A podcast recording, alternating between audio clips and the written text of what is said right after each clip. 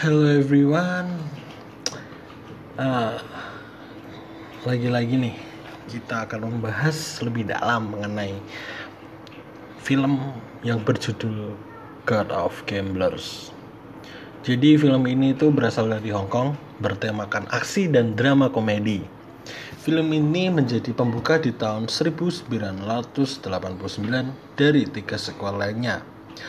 God of Gamblers mengisahkan kehidupan para penjudi. Kochun, seorang penjudi kelas kakap yang mendapat julukan Dewa Judi. Ia punya kekuatan supranatural yang membuatnya selalu menang saat berjudi. Akibatnya orang-orang segan kepadanya. Namun, kebetulan tak membuat Kochun suka tampil di depan umum. Ia bahkan sosok yang misterius karena selalu menghindari sorotan media.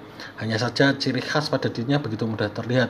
Rambut rapi disisir ke belakang, cincin batu giok di kelingking kiri. Sekian, terima kasih.